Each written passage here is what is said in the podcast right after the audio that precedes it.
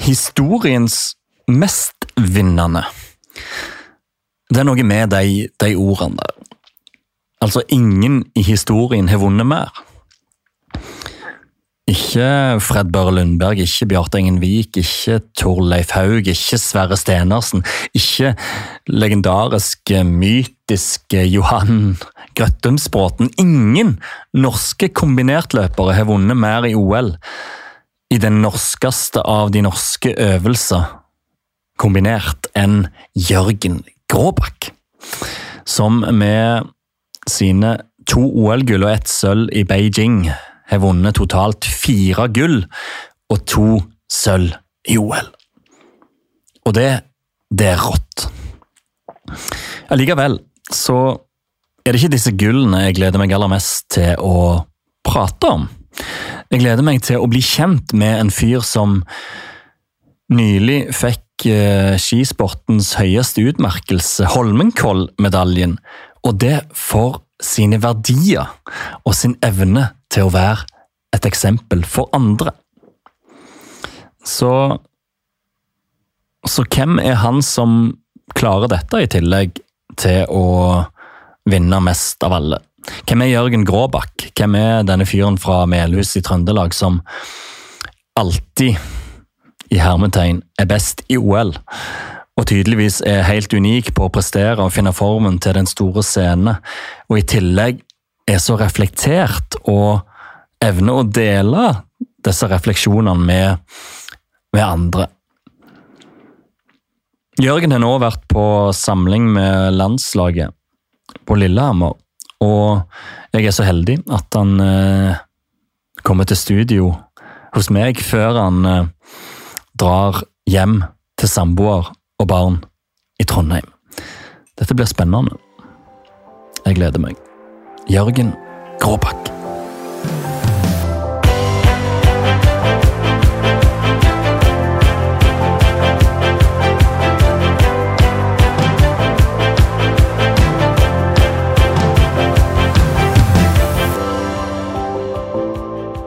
Navn? Jørgen Nyland Gråbakk. Nyland? Mm. Det bruker du ikke så ofte. Nei, det er ikke så mye brukt, men jeg heter det, altså. Kult. Idrett? Kombinert. Moderklubb? Moderklubb er vel Melhus idrettslag, men representerer Byåsen og har gjort det som, som kombinertløper. Hvor lenge har du vært i Byåsen, da? Altså, Hvor gammel var du da du gikk inn der? Begynte vel eh, å drive med kombinert ganske sent, i 12-13 års alder. Så kom inn i den, i den alderen der. Første konkurranseminne? Første konkurranseminne. Det må være noe på Løkka, tror jeg, med, med en fotball i hånda. Jeg var veldig ivrig på det da jeg var liten, så um, litt vanskelig å peke ut et spesifikt eh, minne derfra, men jeg har et eh, minne av første sånn mestringsfølelse. Ja. Um, og det er faktisk um, Det er jo idrettsrelatert på, til en viss grad. Um, og det var meg og pappa som var på fisketur på fjellet og lå over i telt. Og våkner på morgenen der. Tåka er grøttjukk, som vi sier i Trøndelag. Eh, ingenting å se. Og jeg husker pappa sa til meg at nå her har du et kart, her har du et kompass. Sånn funker det. Um, ta oss med hjem.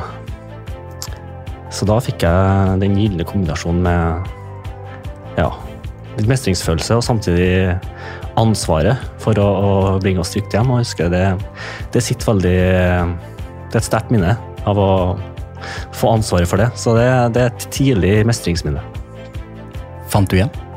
Vi fant hjem, så det gikk bra. Jeg fikk både litt respekt for, for fjellet, for tåka, og hvordan ting ja, forandrer seg med annet lys. Og, og fikk prøvd meg litt, så det var veldig artig. Og så var det sammen med pappa. Så var det sammen med pappa, vet du. Så det var også stort. da. Største opplevelse på idrettsbanen? Oi, jeg har mange store opplevelser, både i ung alder, eh, som sitter veldig Sitter veldig, og så er det jo det nyeste sitter jo ofte veldig godt òg. Så jeg tror fra OL i Beijing så hadde jeg en veldig sterk opplevelse um, og det var jo egentlig den sølvmedaljen jeg tok i den lille bakken. Eh, første, første konkurranse. Um, litt bakteppe med det var vel um, en tøff sesong i forkant, med litt koronarestriksjoner og sånn, som jeg syns var litt uh, ikke, ja, litt vanskelig å håndtere. Jeg syns det var et tøft år. Mange tøffe valg i forkant av mesterskapet, og så kulminerer det i, i en medalje som var veldig Ja, et veldig stort mål. Så å gå i mål der og på en måte føle at en uh, fikk det til, det, det, er et veldig stort minne for min del. Så selv om du endte opp med å ta to gull seinere i lekene, så står fortsatt det sølvet som det største? Klart, uh, prestasjonsmessig så er jo gull større, men sånn følelsesmessig så var den sølvmedaljen Det var utrolig sterkt. Så tenk mye på dem jeg hadde jo en samboer som satt hjemme, høygravid, og vi hadde gjort noen tøffe valg i månedene i forkant i forhold til at jeg nesten ikke hadde sett henne på sju-åtte uker. Og lagt alt til rette for å, for å prestere, og så, og så lykkes han på den måten der. Så det var bare en sånn ja, euforisk opplevelse og veldig, veldig sterke følelser. Så jeg tror jeg må trekke fram det fra, fra det OL-et òg. Velkommen til våre vinnere, Jørgen Gråbakk. Ja, det var Det var fint, Jørgen. Fin innledning. Og måten du setter ord på det minnet i Beijing, det har jeg en følelse av, uten at denne samtalen har kommet noen vei, forteller ganske mye om deg. Eh, hvorfor, hvorfor tror du du eh, Skal jeg si da Hvorfor tror du du sitter igjen med følelsene på den måten etter det OL-et? Jeg sier det. Uh, klart, uh, minner og sånn er veldig sånn følelsesbasert. Så um, da ser jeg ikke på noen resultatliste og sånn når jeg plukker minner, så da blir det jo veldig sånn Hvilken opplevelse genererte de sterkeste følelsene? Um, og det er uten tvil den første medaljen der. Så um, etter det så karten lykkes. Jeg lykkes veldig veldig godt i Storbakken og tar med to av to gull derfra. og og det er jo kjempeartig, selvfølgelig. Eh, men sånn akkurat der i øyeblikket så, så var den sølvmedaljen enda større på et personlig nivå. Mm. For det som er så spesielt med deg, da, du er jo, du er jo tidenes mestvinnende olympier i det norskeste av den norske idretten kombinert. Eh, hvordan er det? Hvordan kjenner du på det, når det både blir sagt og når det er realiteten? Det er jo noe jeg er veldig stolt over, selvfølgelig. Eh, det ble jo veldig kjapt nevnt etter at uh, gullet i, eller gullene i Storbakken ble, uh, ble henta, eller det er kanskje feil å si henta. men etter at jeg, jeg, fikk tak på dem, så er det jo en kjempeartig statistikk. Uten tvil. Noe jeg er kjempestolt over. Men samtidig litt sånn uvirkelig. Det, det er veldig stort, men litt uvirkelig og veldig veldig artig, selvfølgelig. Så um, det, det kommer, kommer, til å henge ved meg og, på en god måte. Og um, ja, kjempestolt over det. Vi skal komme litt mer inn på, på hvordan disse gullene kom, og hvordan du ble så, så, så god. Men uh, hvordan går det nå med deg? Det har gått en, uh, en vår siden uh, OL-gullene, og din kone er det din kone eller din samboer? Ja, samboer foreløpig. Samboer foreløpig. Nå hjemme gravid. Eh, hvordan er det med dere nå? Du, det går veldig bra. Eh, 2022 har jo vært eh, ekstremt bra for min del. Uh, starter med veldig gode prestasjoner på idrettsbanen, og så kommer jeg hjem ferdig med sesongen. Skal sies jeg var ganske stressa den siste World Cup-helgen der. Da sov jeg litt dårlig. Eh, hadde veldig god kontroll på på rutetabeller, skal du si, eh, flytida hjem og sånne ting. Eh, det var ikke sånn akutt nære fødsel, men det, begynte å nærme seg, så litt stressende. Eh, kommer hjem 9. april, så blir Johannes født, da. Og det har gått veldig bra.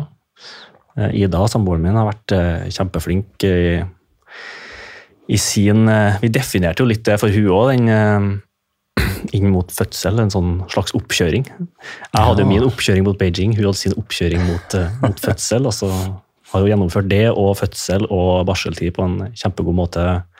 Selvfølgelig har det sine tøffe stunder, det òg. Eh, lite søvn eh, første ukene. Eh, veldig opp, eh, altoppslukende, spesielt for hun.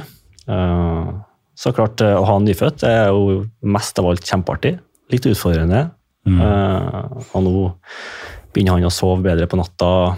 Eh, ja, har funnet sin rytme og er veldig rolig, veldig glad og fornøyd. og Da koser vi oss veldig. Har du gjort noe med deg? Ja, det tror jeg. Eh, kanskje blitt eh, Jeg har tenkt litt på det, faktisk. om jeg Ikke kan si roligere. Jeg har alltid vært ganske rolig, men jeg har på en måte litt mer sånn eh, Ja. eh, funnet litt mer min plass, på en måte. Eh, føler meg veldig trygg på min plass i livet. Så jeg tror nok det som er største forskjellen. Hva er det som er din plass, da? Min plass er jo sammen med min flokk, da, som er dem to primært, og våre familier. Så jeg er veldig glad i mine nærmeste. Og ja, det livet jeg har sammen med dem. Da. Så det er først og fremst min plass. Så den plassen eh, blir plutselig definert som mye viktigere enn plassen på f.eks. toppen av pallen, da? Ja, det er klart den er viktigere, ja. Uten tvil. Eh, Den blir liksom stadfesta i enda større grad når Ja. man får en sønn. Så det føler meg veldig, veldig rolig på en bra plass. Og ja, samtidig så føler jeg meg fortsatt eh, den, sånn, den samme Jørgen. Mm. Forholdsvis ung, leken, nysgjerrig. Glad i å ta en utfordring og, og trives veldig godt i idretten. Så nei, det føles bra. Kult. Men du sa at dere kjørte oppkjøring. Kjørte dere en sånn toppidrettsplan inn mot, eh, inn mot fødsel? Ja, på en måte. Eh, hadde jo en liten plan eh, på Ja, hun hadde jo sine mål eh, med en eh, oppkjøring. Eh, definert litt hva som var viktig for hun, hva som er viktig for Johannes. da. Og det er jo det jeg gjør i min oppkjøring. Du definerer hva som er viktig.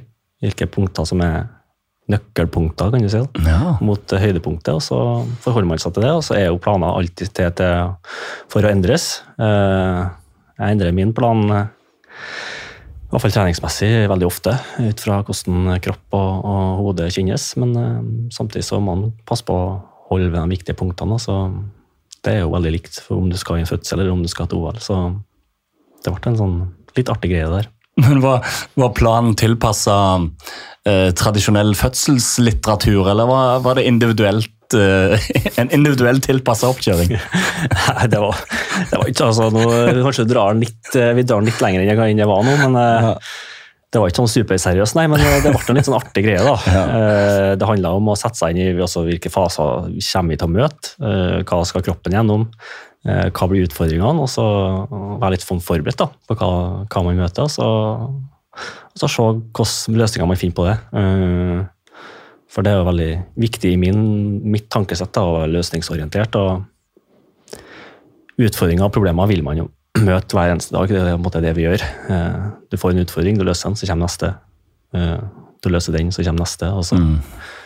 Det, det må man bare være klar over at det, det kommer, hvis ikke så blir det fryktelig tungt å holde på. så det var måten vi gjorde det på, Eh, og det ble egentlig veldig artig og en fin sak. Eh, Det blir jo litt sånn litt lystigere måte å takle det på enn enn å bare sitte der passivt og, og ta imot det som kommer. Så, Mm. mm. Og så ble det veldig felles.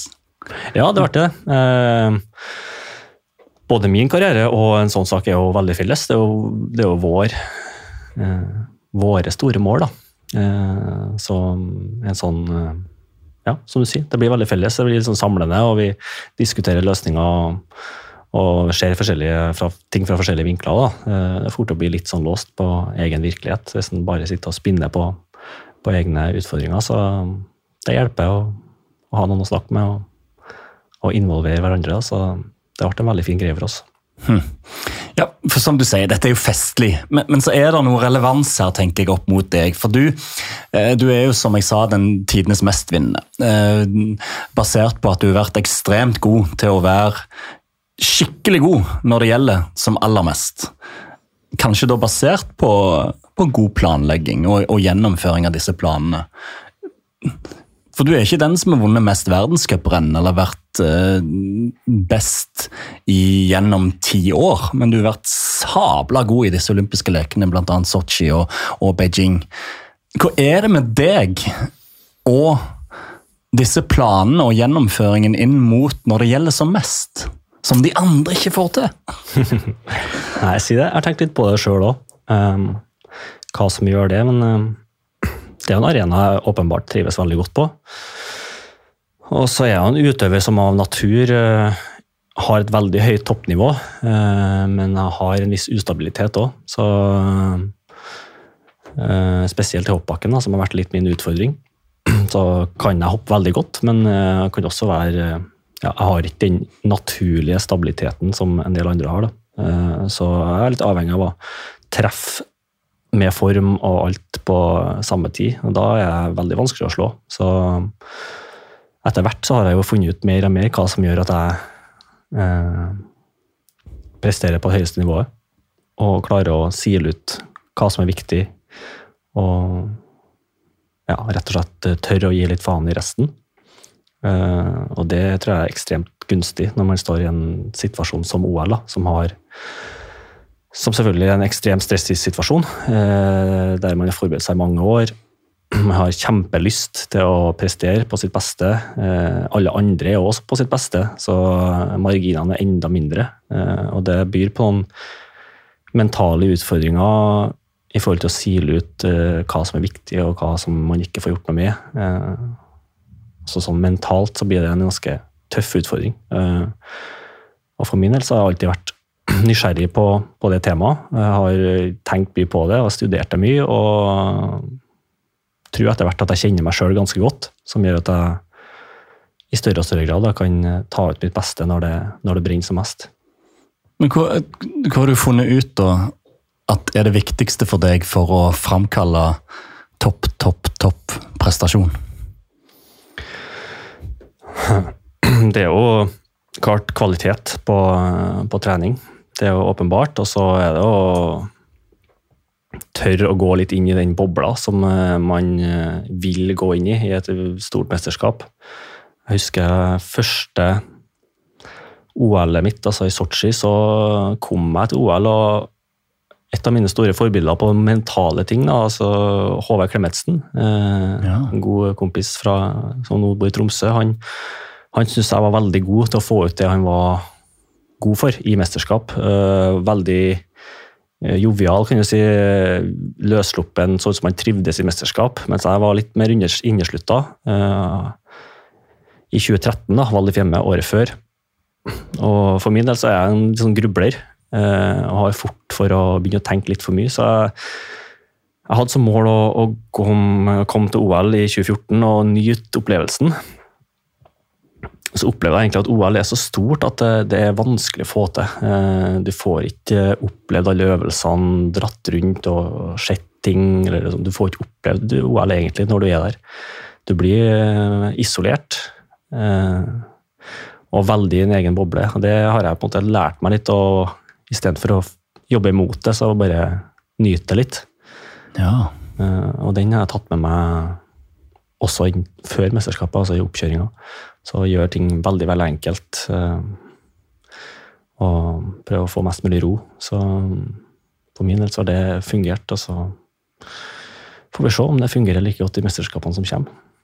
Ja, for det Spørsmålene kommer jo da, og det jeg lurer litt på, er det, er det bare OL som motiverer deg nok til å takle dette, til å la den bobla være den bobla? Eh, hvorfor klarer du ikke å gjøre det samme inn mot, mot VM eller mindre konkurranser som du klarer inn mot et OL? da?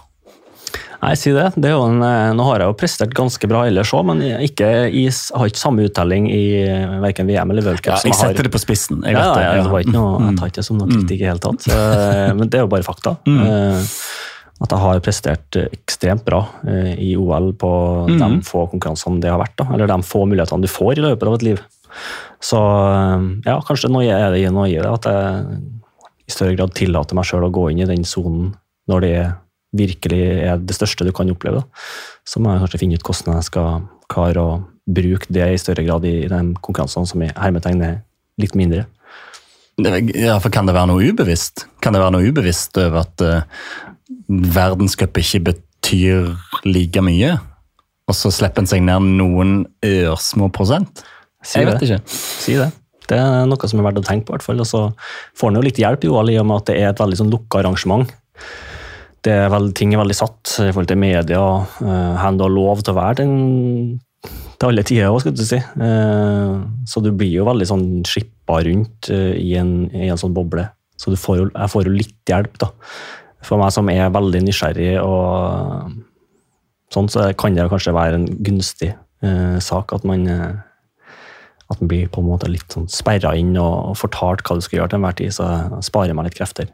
Ja, Men er det noe med deg som type som gjør at du trives ekstra godt på den store scenen?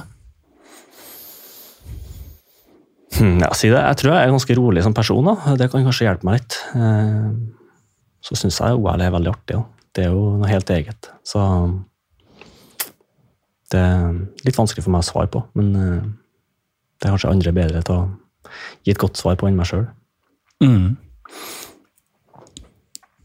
Og så fikk du nå um, i år Holmenkollmedaljen, som er ja, den største utmerkelsen innenfor nordiske grener i Norge. Uh, men det, det jeg beit meg merke i der, det var at um, i, i, tillegg til å få han for gullene dine og prestasjonene dine, så fikk du han for uh, verdiene dine. For eksempelet du var for, for andre. Hvorfor tror du det var en del av formuleringen når du fikk den? Hmm. Nei, si det. Det er jo noe jeg har sett veldig altså, I den begrunnelsen som jeg har lest sjøl òg, så er jo det Den delen av begrunnelsen er jo den kanskje jeg har sett høyest. Mm. For det sier jo noe om, eh, om, meg som person. Så det å være et godt forbilde og og tørre å stå for noe, eh, og forhåpentligvis gode verdier. Det er noe jeg syns er viktig, og som jeg prøver på. Så det å bli lagt merke til, eller at folk legger merke til det, det syns jeg er kjempeartig. Så, og så ja. Det, det var kjempeartig. Er det noe du alltid har hatt med deg, eller er det noe som har, har, har vokst på deg? Jeg tror i hvert fall um, evnen til, eller villigheten til å ytre meg, har jo vokst ettersom man blir tryggere som person. Da. Så har jeg alltid vært en kar som har tenkt mitt, og som har eh, Jeg føler sjøl i hvert fall blitt mer og mer bevisst på verden rundt meg, og både vært nysgjerrig på og bevisst på verden rundt meg. Så, men klart, eh, det vil jo ikke vises før man åpner munnen eh, og tør å, å, si hva man mener, og, og tør å, å være seg sjøl i det offentlige rommet. Så jeg vet ikke om jeg har eh, Men klart, ja, kanskje litt at jeg har det vokst litt inn i det òg. For En av de tingene du tok til orde for, det var når denne vektproblematikken raste.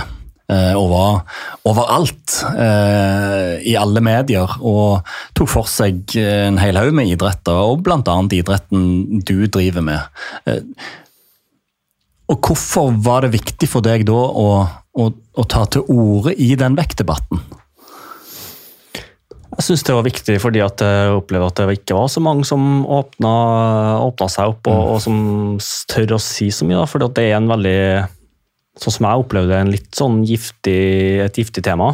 Eh, hvis du sier noe, så er det veldig fort gjort at den blir feiltolka, eller eh, både med og uten vilje, skal du si. Eh, og det er jo enkelte tema som er vanskelig å snakke om. Um, men i mitt hode så er det veldig få tema som er skumle å snakke om. Uh, hvis man rett og slett bare setter seg ned og er, er bevisst på hva, hvilken informasjon man mottar, og, og, hva det betyr, da. så må man tørre å snakke om ting, uansett hvor vanskelig det er. Jeg tror det er mye farligere å å legge lås på ting og ikke snakke om det og tro på en måte at de Nå var det jo veldig mye snakk om yngre utøvere. Eh, og det å ikke snakke om det og feie det under teppet, det tror jeg er litt, sånn, det er litt arrogant og litt uh, jeg tror du undervurderer unge utøvere unge mennesker hvis du tror at de, hvis du ikke snakker om det, så tenker ikke de på det. Det tror jeg blir veldig skummelt. For at uh, unge mennesker på 14-15-16 år de er, ikke, de er ikke dumme i hele tatt. De er veldig oppegående folk. Så de er i stand til å legge sammen to pluss to, dem òg. Uh, og i veldig mange idretter så er vekt et parameter som har en viss signifikans, da, uh, i større eller mindre grad.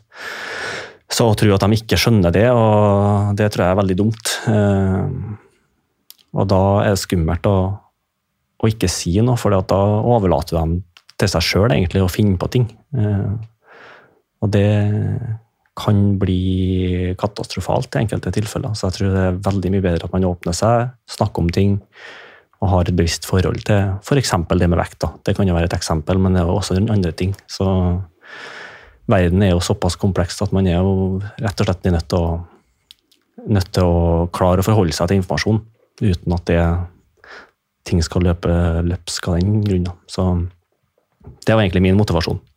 Så det hadde ikke så mye med vekt å gjøre sånn egentlig, men det blir en litt sånn arena for å diskutere akkurat det der. Da. Men Har du opplevelser, konkrete opplevelser med deg sjøl eller i ditt, i ditt, miljø opp gjennom der mangel på kommunikasjon om f.eks. vekt da, uh, har vært uh, et problem?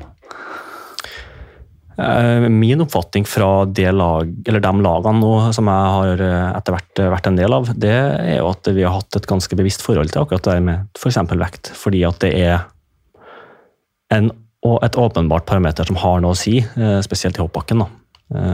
Så det blir en naturlig del av det. Og vi er jo selvfølgelig også veldig heldige som er fulgt opp av Olympiatoppen, ernæringsfysiologer, folk som følger med oss hele tida. Og vi har arenaer for å diskutere det, både med lagkamerater, med trenere og med fagpersonell. Altså, er ikke alle som har det, så da er det klart det er viktig at en eh, tør å snakke om det, både vi som er i toppen, men også tidligere da, og på lavere nivåer. sånn at en eh, sørger for at de som går inn i idretten, og også livet for, for øvrig, har et bevisst forhold til det med kroppssammensetning, vekt, ernæring, totalbelastning og sånne ting. Hm. Men hvordan snakker en da til en 12-13-14-åring, ei en jente eller en gutt, om dette? Uh, uten å være for direkte, men samtidig ærlig. altså Den balansegangen der, hvordan gjør en det? Det er jo kjempevanskelig, uh, og det krever en del tankevirksomhet og krever en del tid. Så jeg tror først og fremst det er viktig at en tar seg tid til type den tolvåringen til å sette seg ned, om det er i forhold til skolegang, eller om det er idretten, eller tar seg tid til å sette seg ned og prate med tolvåringen. Og høre hva vedkommende tenker, uh, hvilke planer man har. altså Komme inn på folk og ha en ærlig samtale. Da. Så jeg tror først og fremst det handler om å ta seg tida til, til folk, og høre hva ja, og komme under huden på dem og, og ha gode samtaler. Da, tror jeg er viktig. Men hvorfor gjør vi ikke det, da? Er det pga. det er tabubelagt? Er det pga. det ikke er tid? Er det pga. vi ikke våger? Er det pga. vi bare tror at det skal være sånn? Jeg tror det er litt kombinasjon. Ja. Noe handler om tid. Eh, eller det vil si, det handler kanskje ikke om tid heller. Det handler kanskje mer om prioriteringer. Eh, mange snakker om tidsklemmer, men det er vel kanskje rettere å si prioriteringsklemmer. For vi har masse tid, eh, sånn egentlig. Så noe handler om det, noe handler om at man er litt redd, som du sier. Syns det er skummelt. Ubehagelig. Kanskje en viktig parameter. Det er jo mm. enkelte ting som er veldig ubehagelig å snakke om, som er enklere å bare Ja, bare la det skli. Uh, vi har jo utrolig mye muligheter til å finne på noe annet i det øyeblikket ting blir ubehagelig. Så da er det bare å plukke opp en telefon eller skru på en TV. eller gjøre et eller annet. Så du blir jo på en måte ikke Alle blir sjelden tvunget til å sitte der og faktisk eh, snakke om ting sjøl om det er ubehagelig. Da. Så det er nok et viktig punkt, tror jeg. Og det at du da eh, velger å, å ta opp dette temaet, som du sjøl er inne på, veldig få andre gjør Tenker du, eller var du noen gang redd for sjøl, eller at dette skal være en energilekkasje for deg? For jeg opplevde kanskje andre at mange andre idrettsutøvere vegrer seg nettopp pga. det. At de skal ha fokus på sitt, og dette tar bare det er, tid de ikke, det er ting de ikke har tid til å, å bruke energi på. Mm. Ja, kanskje kan jo si at jeg jeg kaller dum som eh, tar på meg for det er klart det, Jeg skal si at jeg, I forkant av den praten jeg hadde med Jan Post i høst, så, så var jeg jo Jeg kjente jo at jeg var litt nervøs, rett og slett, fordi at det er et vanskelig tema å snakke om. Men samtidig så følte jeg meg ganske trygg på at uh, både meg sjøl og, og, Jan, som jeg snakka med, vi er forholdsvis fornuftige personer, klarer å ha en god samtale. Og så lenge ting ikke blir plukka ut av kontekst, uh, så tror jeg vi skal klare oss ganske bra. Så um, ja. Det er jo kanskje en viss energilekkasje, men samtidig så syns jeg det er veldig givende og, og viktig arbeid. Da. for vi som idrettsutøvere har jo en plass som forbilder. Og våre ord kan ofte i større grad enn til andre autoritetspersoner eh, nå igjennom til en ungdom. Da. Så da har vi, en, vi har en mulighet til å utgjøre en forskjell for noen, og det er en mulighet jeg syns vi skal, skal, ta vare på. Mm. Og Det du snakker om der, er podkasten I det lange løp med, med Jan Post, en av mine favorittpodkaster som dere bare må inn og, lytte på. Og, òg episoden med deg, Jørgen, for der, eh, der, snakker du veldig fint om dette. Og Får du mange reaksjoner på dette? Får du, eh, får du takk? Får du folk som blir inspirert og faktisk går noen skritt ved å prate om dette som de ikke er tatt før pga. dette? Jeg har fått veldig mye gode tilbakemeldinger i etterkant av den podkasten der. Så vi var jo, eller jeg var litt spent på det, eh, hvilke reaksjoner får han. Men jeg har fått nesten utelukkende positive reaksjoner. Ja. Og det har blitt brukt i diverse sammenhenger. Om det er ernæringsfysiologer som har brukt det i leger sammen med Legeforeninga, eller om det, ja, det har blitt brukt med, i forbindelse med ungdom. Og det har blitt brukt veldig mye eh, konstruktivt. Så da da har jeg nådd mitt mål, og det er jo kjempeartig. Så det funker å, å prate om ting. Og nå når vi sitter her, så sitter jo med fasitsvaret på om det var en energilekkasje eller ikke. Du ble dobbel olympisk mester i etterkant av dette. Ja, ja, i så fall så var det en energilekkasje som var liten nok til at det ikke hadde noe å si. da. Og så i tillegg klart å, å sette igjen et litt positivt eh, fotavtrykk, så da er det jo dobbeltseier. Ja, for det er mange av de gjestene jeg har hatt i podkasten her, som har valgt å prate om ting som kanskje kan være litt vanskelig, uh, mens de har vært blant verdens beste. Så at det er mulig, det er det ikke tvil om. Nei, det er absolutt mulig. Så det går veldig, veldig fint. Og så er dere i en posisjon der dere kan uh, faktisk gjøre en forskjell. Uh, så enkelt er det bare, for idretten har den kraften. og da er det fantastisk at noen bruke den kraften. Som bl.a. du har gjort. Så det er strålende. Men jeg er litt Det du nevner der med å ikke tørre å prate om ting, det har òg vært relevant på mange om, andre områder i idretten i det siste. Det med, det med manglende kommunikasjon, som skaper så mye problemer utad. Som da igjen i alle fall fungerer som en energi, energilekkasje. Eh, og da når du sitter på altså den offensiviteten du gjør, og de tankene du har, hva tror du er årsaken til at det er så vanskelig å være åpne i kommunikasjonen, både internt og eksternt, i idretten? Oi, stort spørsmål. Vanskelig å svare på. Eh, mest av alt fordi at jeg ikke har noen innsikt i dem eh, i andres eh, lag, og hvilken måte den kommunikasjonen eh, går på. Mm. Uh, I tillegg så vet en at media er flink til å ta tak i ting som skurrer litt, og lage store saker ut av det. Uh, så det syns jeg er kjempevanskelig å svare på, rett og slett. Uh, men at det, det er jo sjelden røyk uten ild, for å bruke den metaforen. Så at det er noe som kunne blitt gjort bedre, det, det er åpenbart. Og så hva det er og hvor det skurrer, og sånn, det er kjempevanskelig å svare på. Men Du snakker jo om hvordan det er veldig lite som er farlig å snakke om. Det kan jo være nøkkel. Ja, ja.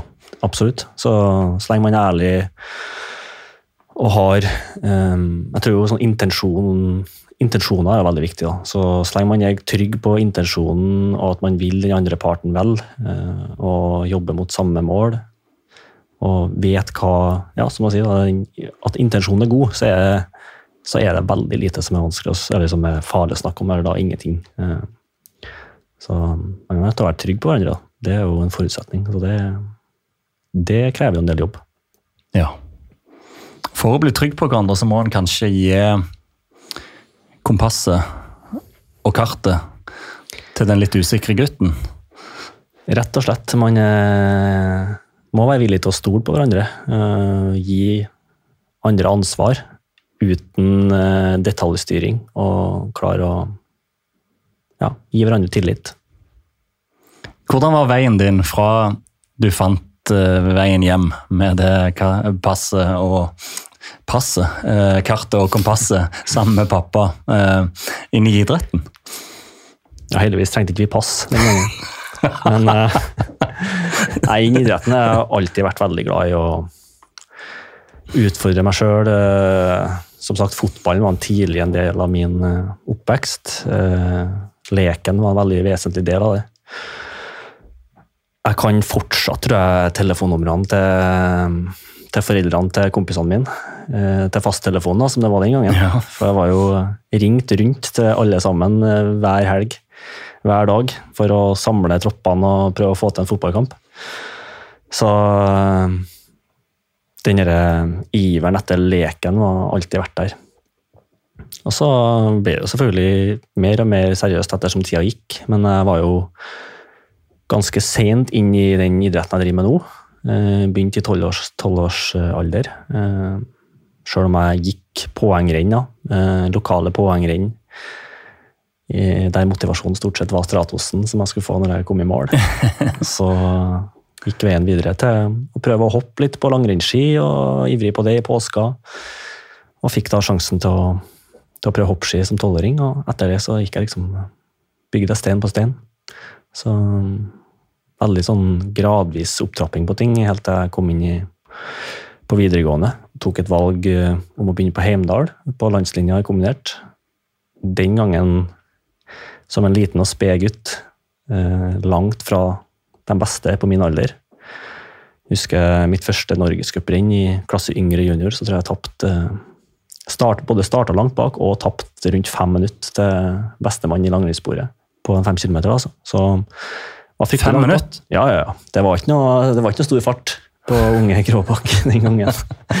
Så farta har blitt bedre. Og ja, nå sitter jeg her jeg sitter i dag, så var ikke noe barnestjerne, men uh, likte veldig godt å, å trene og, og, jobbe hardt.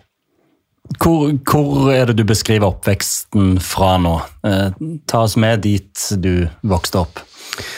Vokste opp på Melhus, to mil sør for Trondheim. Eh, stort hus, stor hage, med to fotballmål. Sånne små. Én ganger én meter, kanskje. Eh, spilt veldig mye fotball. Eh, både organisert, uorganisert. Lek i hagen. Hadde veldig lite tid til alt annet. Lite tid til å spise, lite tid til altså, All tid gikk til lek. Så Mamma og pappa kjørte rundt for å prøve å finne ut hvor jeg var og få i meg noen brødskiver, så jeg kunne fortsette. så ja, trygg og god oppvekst. Eh, ikke blitt pressa til nå, noen gang, eh, av foreldrene mine. Eh, eneste som mamma og pappa gjorde i forhold til det, var å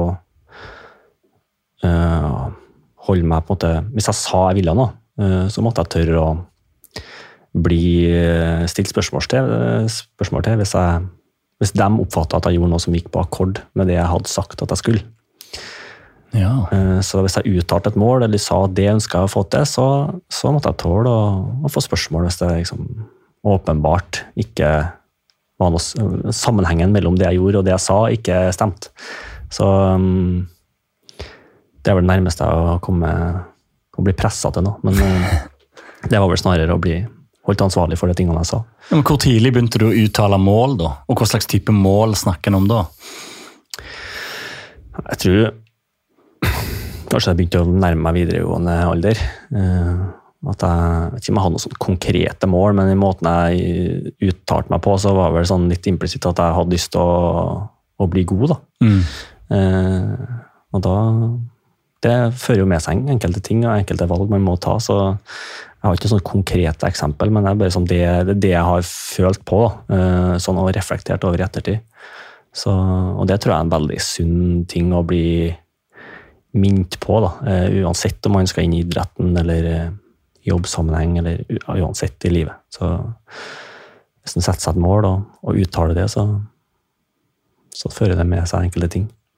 Men hadde Jørgen 12-13-14 voksne som tok seg tid til å prate med han? Ja, definitivt. Uh, skylder jo mine foreldre veldig mye. Eh, de har en kjempestor del av det, det jeg har fått til på idrettsbanen, og, og det jeg har fått til for øvrig òg. jeg har hatt veldig mye gode samtaler med, med mamma og pappa om det i eh, ja, hver eneste dag når pappa kjørte meg til trening, eller eh, på vei til et skirenn i helga, eller på hytta, der vi verken hadde innlagt vann eller strøm, så der var det jo gode muligheter til å få seg en god prat. Så eh, jeg setter eh, den gode samtalen veldig høyt. Eh, om det er med lagkamerater eller samboer eller mamma og pappa eller hvem det skal være, eller med deg, så syns jeg en god samtale det gir meg veldig, veldig mye. Så det har jeg fått inn med, med morsmelka, skulle du si. Er det noe du har tatt med deg inn i karrieren som idrettsutøver, i de lagene du har vært i? Ja, det vil jeg si. Eh, når jeg kom inn på landslaget Jeg sa jo jeg ikke var noen barnestjerne. eh, ikke var noe god når jeg kom inn på videregående som 16-åring, men jeg hadde en rivende utvikling derfra til jeg gikk ut av videregående som junior-norgesmester. Eh, og tar jo et ganske tidlig OL-gull som 1-22-åring. Mm. Og når jeg kommer inn på laget da, eller landslaget, så er jeg jo en del av et lag der eh, vi snakker Magnus Moan, Mikko Kokslin, Jan Schmid, Håvard Klemetsen, Magnus Krogh. Altså jeg var desidert yngst. Eh, også på videregående så ble jeg tidlig en del av en treningsgruppe som var i snitt fire-fem år eldre enn meg. Så jeg har eh, vært rundt Eller vært en del av en gruppe som har stort sett vært eldre enn meg ja, hele min idrettskarriere, helt opp til nå, egentlig. Så har jo fått inn eh, mange gode perspektiver fra folk som har opplevd mer enn meg hele veien. Så det har jeg vært veldig heldig med. Og hatt veldig mange gode samtalepartnere gjennom de lagene jeg har vært på. Eh, Og nå har jeg jo Jan Schmid som trener, som jeg har hatt kjempemange gode prater med om alt og ingenting. Så eh, det har jeg, definitivt svare ja på. Men hvordan har din rolle i disse samtalene endrer seg opp igjennom? Jeg sier det. Eh, selv om jeg var yngst på det laget som jeg kom inn på, så har jeg alltid følt meg jevn altså, uh, Opplevd respekt fra de uh, lagkameratene mine. Uh, selv om de var langt mer merittert og rutinert enn jeg var, så har jeg aldri opplevd at jeg har blitt sett ned på eller uh, vært på en måte lillegutt eller uh, eh, Ja. Så jeg syns ikke det har forandra seg så veldig mye, egentlig. Det OL-et i Sotsji, der kom du litt inn som et ubeskrevet blad for det norske folk, og, og vinner to OL-gull. Eh, Kom det like uventa på deg som det gjorde på omgivelsene?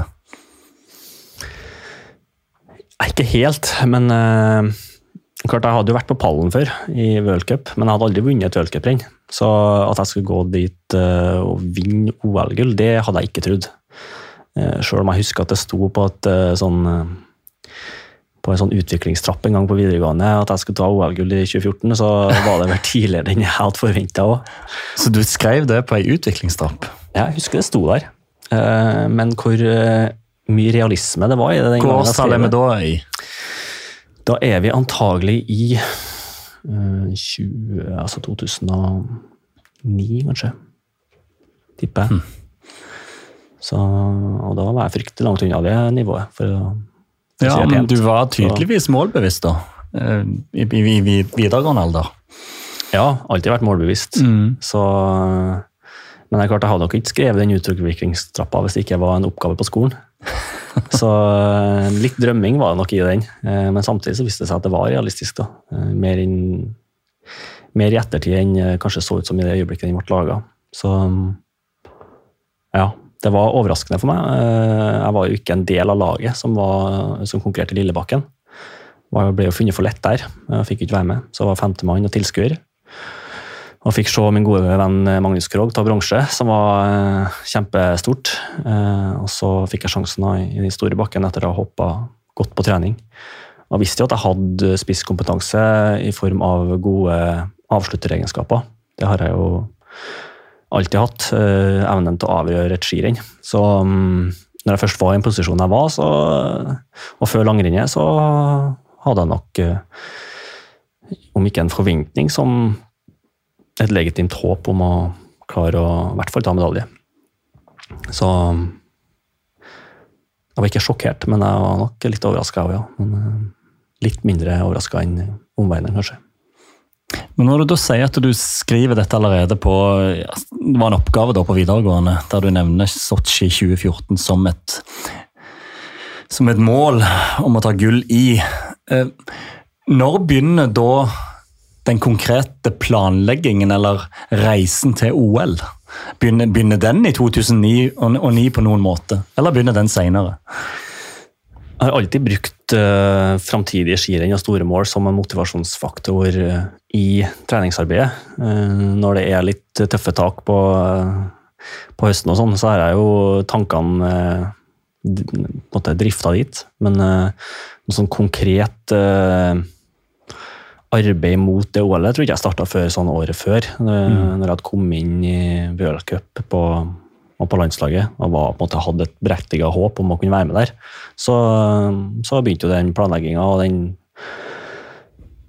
ja, tankevirksomheten å dreie seg mer om OL. Da. Så jeg var jo veldig, hadde jo planlagt veldig godt før jeg kom dit. Det var en veldig spesiell skiløype, husker jeg. Mye svinger. Ekstremt avgjørende å være først inn på stadion, som var bare noen sånne U-svinga inn på, på sletta i hoppbakken. Så um, jeg hadde tenkt veldig mye på hvordan jeg skulle posisjonere meg der. Uh, hele siste runden, egentlig. Og så opplevde jeg når jeg kom i mål, at jeg selvfølgelig var veldig glad, men også litt sånn undrende over at jeg eh, kanskje ikke var Jeg trodde sjøl at, at, ting virka litt tilfeldig. At jeg kom i den posisjonen jeg var. Uh, men så ser jeg tilbake, og så i reprisen på rennet så ser jeg jo at jeg er akkurat i den posisjonen jeg ønska å være til enhver tid gjennom de siste to rundene der. Eh, jeg opplever da at den visualiseringa, den planlegginga jeg hadde gjort, den satt så godt at det bare Det skjedde bare. Så det var en sånn tidlig, eller kan si tidlig, men en veldig sånn mektig opplevelse av hva planlegging, visualisering kan gjøre. Da i, i en sånn sitting. Det høres litt sånn nordtugsk ut. Med, I detalj med hvor en er og hvor en posisjonerer seg, og visualisering på ned til detalj. Det var det veldig detaljert og mm. veldig veldig viktig da, i det skirennet. så Det er jo en evne som man utvikler gjennom idretten, eh, som jeg føler er en sånn veldig verdifull del av min reise i idretten. Det at du blir veldig flink til å prioritere og plukke ut tingene som gjør at, at jeg skal prestere. Um, og ikke bare Du går jo på en måte inn i hver dag i treningsarbeidet for å bli bedre, men ikke bare det. Du har også Du er nødt til å plukke ut faktiske, konkrete ting på hva du skal bli bedre på for å prestere der du ønsker. Og det er en veldig verdifull uh, læring og egenskap som jeg virkelig skal ta med meg resten av livet inn i, i det arbeidet som jeg eventuelt eller skal ha når jeg er ferdig med denne idrettskarrieren nå. Er du en plan om hva det skal være? Ikke noen konkrete planer, eh, men eh, jeg, jeg studerer jo ved siden av idretten. Jeg går 50% på NTNU i samfunnsøkonomi. Master ja. der. Så mm, det er jo et uh, godt grunnlag for mm. å finne på noe interessant. Så er en jo heldig at en møter mye spennende folk gjennom idretten. Og også den kombinasjonen idrett og utdanning gjør at en havner i noen spennende miljøer. Så jeg er helt sikker på at det skal dukke opp noen artige muligheter, men klart akkurat presist hva det blir, det er jo vanskelig å svare på noen flere år før. Men jeg gleder meg til den reisen òg. Hvor mye tid bruker du på, den, på de studiene, da? Det er jo litt sånn uh, i rykk og napp. Uh, har jo sagt til meg sjøl at uh, det, er viktig med, det er viktig med studier for min del. Uh, er jo, som jeg sa tidligere, veldig nysgjerrig. Det er jo en av dem Jeg tror mitt største talent er nok hodet mitt. Ja. Så prøve å bruke det. Uh, har et behov for å oppleve utvikling på idrettsbanen, men også utafor. Uh, Syns at uh, utdanning gir meg et sikkerhetsnett som jeg syns er verdifullt. Um, hvis jeg skulle ryke ned i morgen, så har jeg mulighet til å utvikle meg på noe det neste halvåret likevel. Så det setter jeg veldig høyt. Um, men har uh, sagt til meg sjøl, eller lagt et premiss om at uh, du skal kunne studere, men det skal ikke gå utover uh, prestasjonene på idrettsbanen. Det er klart, det legger jo en viss bremsekloss på eh, resultatene. Eh, for hadde jeg brukt mer tid, så hadde jeg hatt bedre karakterer. Eh, nå er jeg såpass heldig at jeg har ganske gode karakterer fra før. Men det skal, ikke, det skal ikke gå utover mine prestasjoner, for jeg har bare én sjanse på, på, den idrettskarrieren. Men klart, på våren, etter at sesongen er ferdig, så er det tidvis ganske intenst.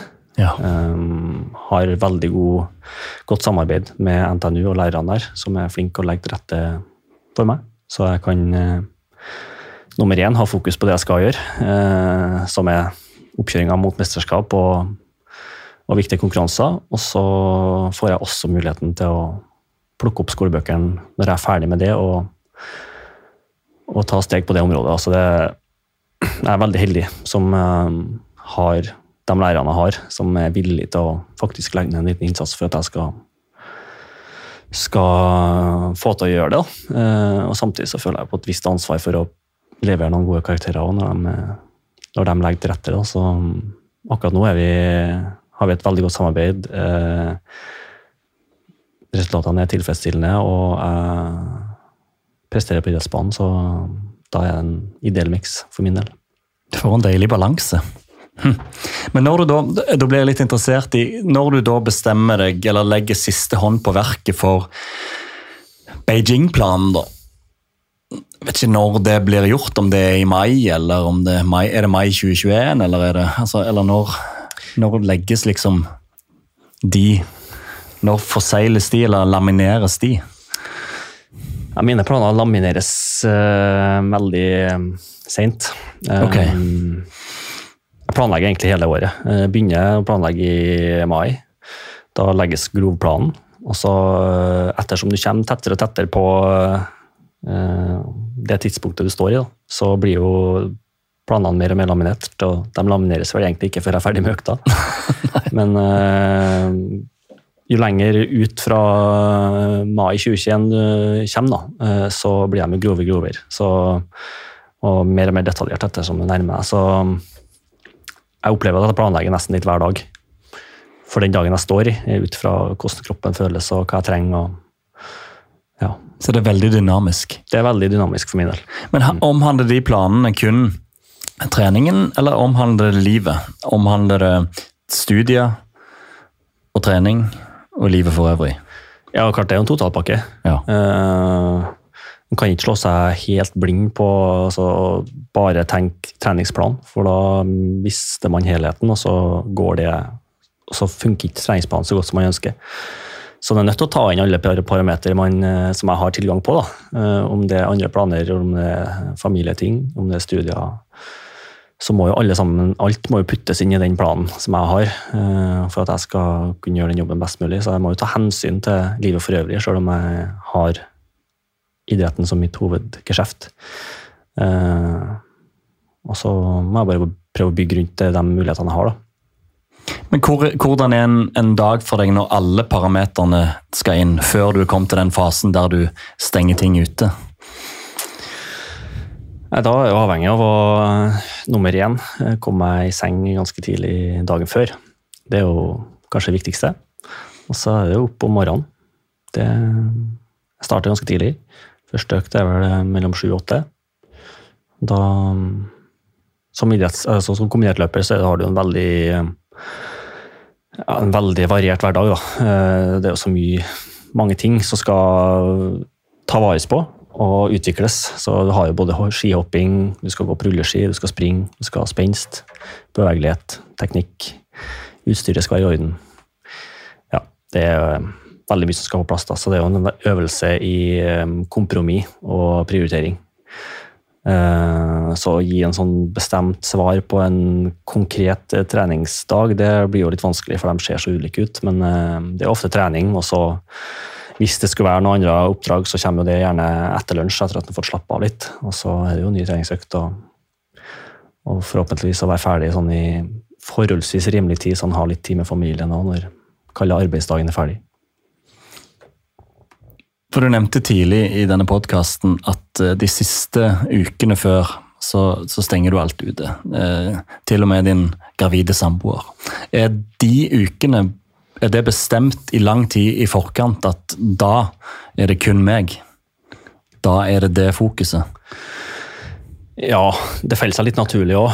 Jeg kjenner jo sjøl at de skylappene kommer på mer og mer ettersom man bekker over nyttår og, og nærmer seg mesterskap. da. Så det skjer litt automatisk. Og så er det jo også et bevisst valg i forkant at eh, Og det handler jo om den, grove planlegginga som gjøres i mai. Da. Hvilken periode er, viktig, måte, er det viktigste. Eh, og når sile, skal jeg sile ut absolutt alt for å rette inn mot mesterskapet. Så det er litt naturlig, samtidig godt planlagt. Og de ukene der, du sa det var åtte, var det det? De siste åtte ukene. Hvordan er de? Hvordan opplever du de? De oppleves eh, egentlig litt kjedelige, fordi at eh, dagene er veldig veldig enkle. Eh, det handler om trening. Spis, sov. Tren, spis, sov. Prøv å få gode netter. Få sove godt. Har brukt mye tid på å forske på egen søvn og få restituert godt nok. Og så ja, det er det det går i. Ja. Så er det jo konkurranser inni her òg. Det er jo en viktig eh, treningsarena. da. sånn som før Beijing, så var det jo et viktig poeng for meg før Selv om jeg var i veldig god form i tidlig januar, så hadde jeg ennå ikke vunnet et skirenn um, den sesongen.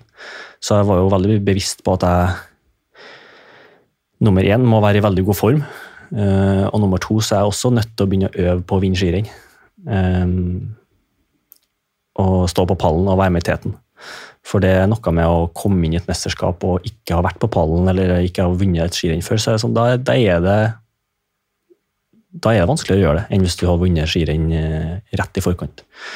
Og så er jeg i veldig god form i januar, har fin stigning og, vinner det siste worldcuprennet før, før OL og får den siste på måte, bekreftelsen på at nå er vi på riktig vei. Da. Så det er jo intenst, men samtidig så enkelt som overhodet mulig da, de siste ukene. der. Men Da fungerer jo planen perfekt her, da. Når du da i tillegg får den bekreftelsen du trenger for at skuldrene skal senkes ørlite. Ja. I de ukene har du kontakt med de hjemme? Ja, ja. Jeg har jo kontakt med dem hele veien, ja. Eh, og mye. Så FaceTime er en fin ting. Og de, altså, det hadde jo aldri gått hvis jeg ikke hadde involvert dem hjem. Eh, så det her er jo, som vi snakka om tidligere, om det er graviditet eller om det er min trenings, mine treningsmål, så, så er det jo et felles prosjekt, og det er det ekstremt viktig at det er. Eh, hvis ikke, så, så hadde det aldri gått veien. Så det må være felles. Eh, hvis ikke, så så bukker man under, tror jeg, når presset blir stort. Eh, sånn som i når vi kommer til Beijing, så, er det jo, så får vi jo koronasmitte inn i laget. Og ting blir fryktelig anspent eh, blant støtteapparat, blant utøvere og, og sånne ting. Og da skal man være ganske sentrert for å klare å skille ut og sile ut da, hva som er viktig, og, og, klare å plukke ut de tingene som er viktige for at jeg skal, skal prestere. Og, og opplevd eh, rundt den situasjonen at jeg, jeg definerte meg selv, for meg sjøl at uh, nå har jeg min plan. Uh, den treningsplanen den er det ingen som har rokka ved. Uh, fordi om jeg nå er i karantene, så får jeg gjort det jeg skal. den koronasmitten har jeg den i kroppen nå, så, det, så, har jeg det. Har jeg den ikke, så kommer jeg ikke til å få den heller, for det er ingen som kommer inn på det rommet her. Så da klarte jeg å definere at det her får jeg gjort noe med, og resten får jeg bare la seile sin egen sjø. Så klart, hvis jeg har stress i kroppen da, og ikke har den tryggheten jeg trenger hjemmefra, så er det veldig vanskelig å, å finne det senteret som gjør at det, man klarer å navigere en sånn situasjon. Da. Så at uh, det her er et felles prosjekt, det er det ingen tvil om, og det er det nødt til å være. Og der, når du beskriver dette sånn, så kom nok din ro og din trygghet enda mer til, rett, til sin rett enn vanlig i Beijing. Det er jo åpenbart. Og så ender du jo da opp med, i første øvelsen, å få din største opplevelse i karrieren så langt. Du gråter på pallen når du får sølvet. Og hva er det først og fremst tårene handler om, da? Det handler nok mye om det bakteppet som var før det mesterskapet. Eh, året før, en koronasesong der ting var usikkert. Eh, for min del så stilte jeg meg en del spørsmål. Jeg syntes det var vanskelig. Eh, I og med at både konkurranser mesterskap alt sammen var veldig usikkert. Eh, man var ikke veldig isolert. og til viss grad litt sånn frykt for egen karriere òg, med et virus som man ikke visste helt konsekvensen av. Hadde en tung sesong der. tok noen gode grep før før den sesongen eh, som var nå.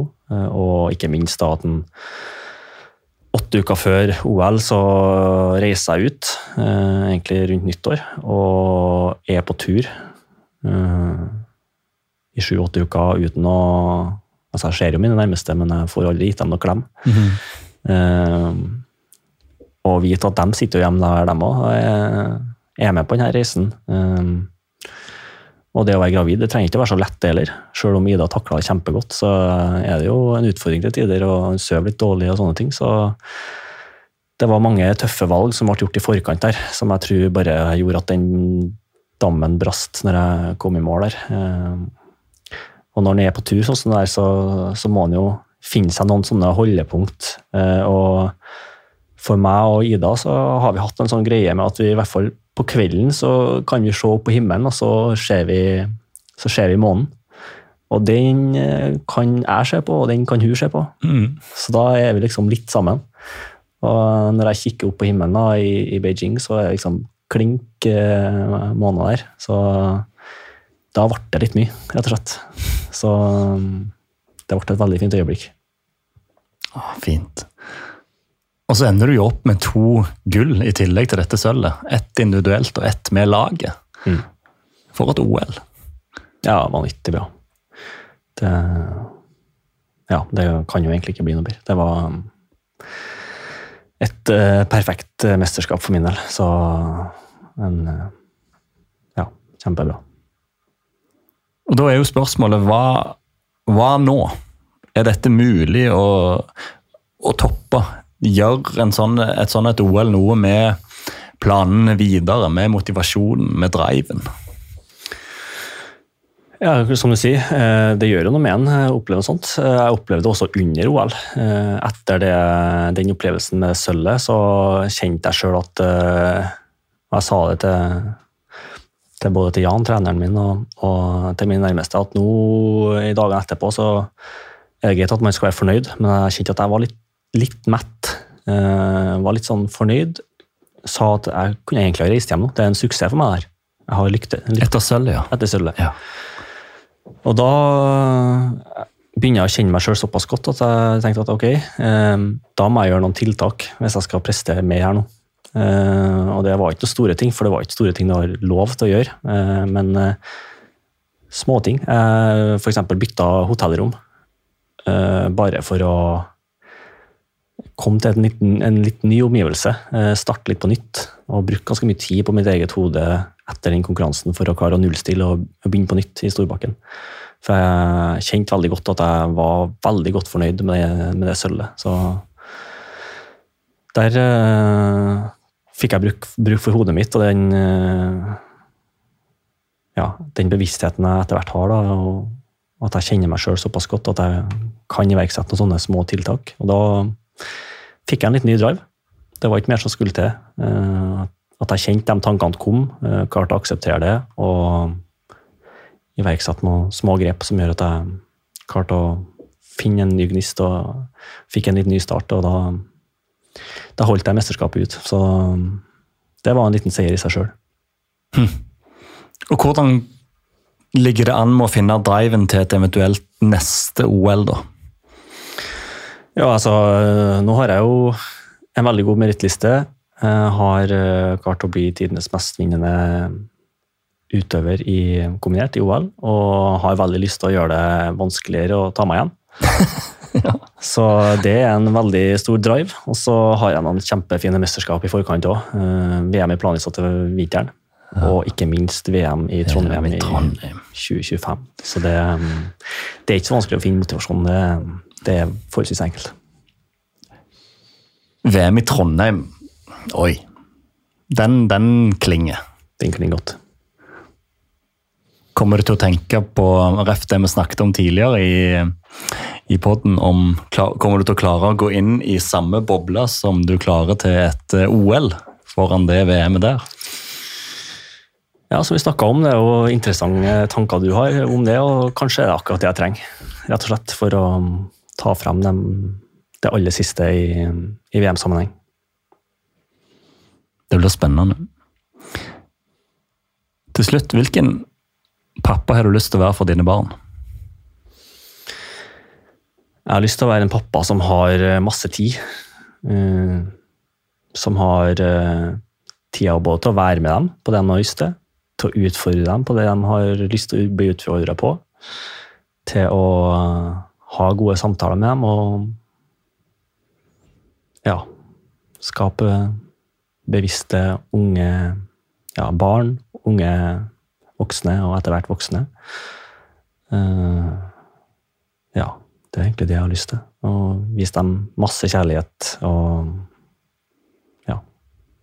Rett og slett gi dem masse tid og masse kjærlighet. Jørgen Gråbakk, ut ifra denne samtalen og ut ifra det å bli kjent med deg, så tror jeg du har alle forutsetninger for å få til det. Eh, tusen hjertelig takk for at du kom til, til våre vinnere. Det har vært en glede. Tusen takk for at jeg fikk komme. Det er artig å få være en del av et eh, meget uh, celebert uh, selskap med gjester, så satt veldig stor pris på, på samtalen. Tusen takk.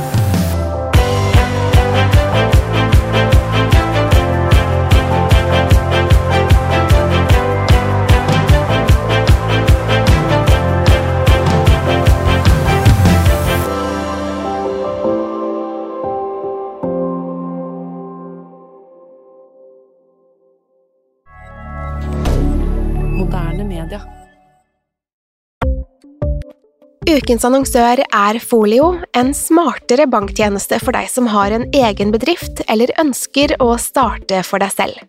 Folio er en superenkel nettbank for bedrifter. Som kunde i Folio får du en bedriftskonto med et bedriftskort og app. I denne appen er det smarte løsninger som forenkler regnskapet ditt, uansett om du har en liten bedrift eller et enkeltpersonsforetak. Folio er både intuitivt og brukervennlig, og er laget med et enkelt språk. I tillegg tilbyr de forutsigbare priser og ingen skjulte gebyrer. Skulle du likevel trenge det, så kan du snakke med deres raske og hyggelige kundeservice, og der får du prate med en faktisk person og ikke en chatbot. Folio er med andre ord både enklere og koseligere enn banken. Over 10 000 bedrifter har allerede valgt Folio som sin banktjeneste, så besøk folio.no og se hvordan Folio kan forenkle din hverdag også.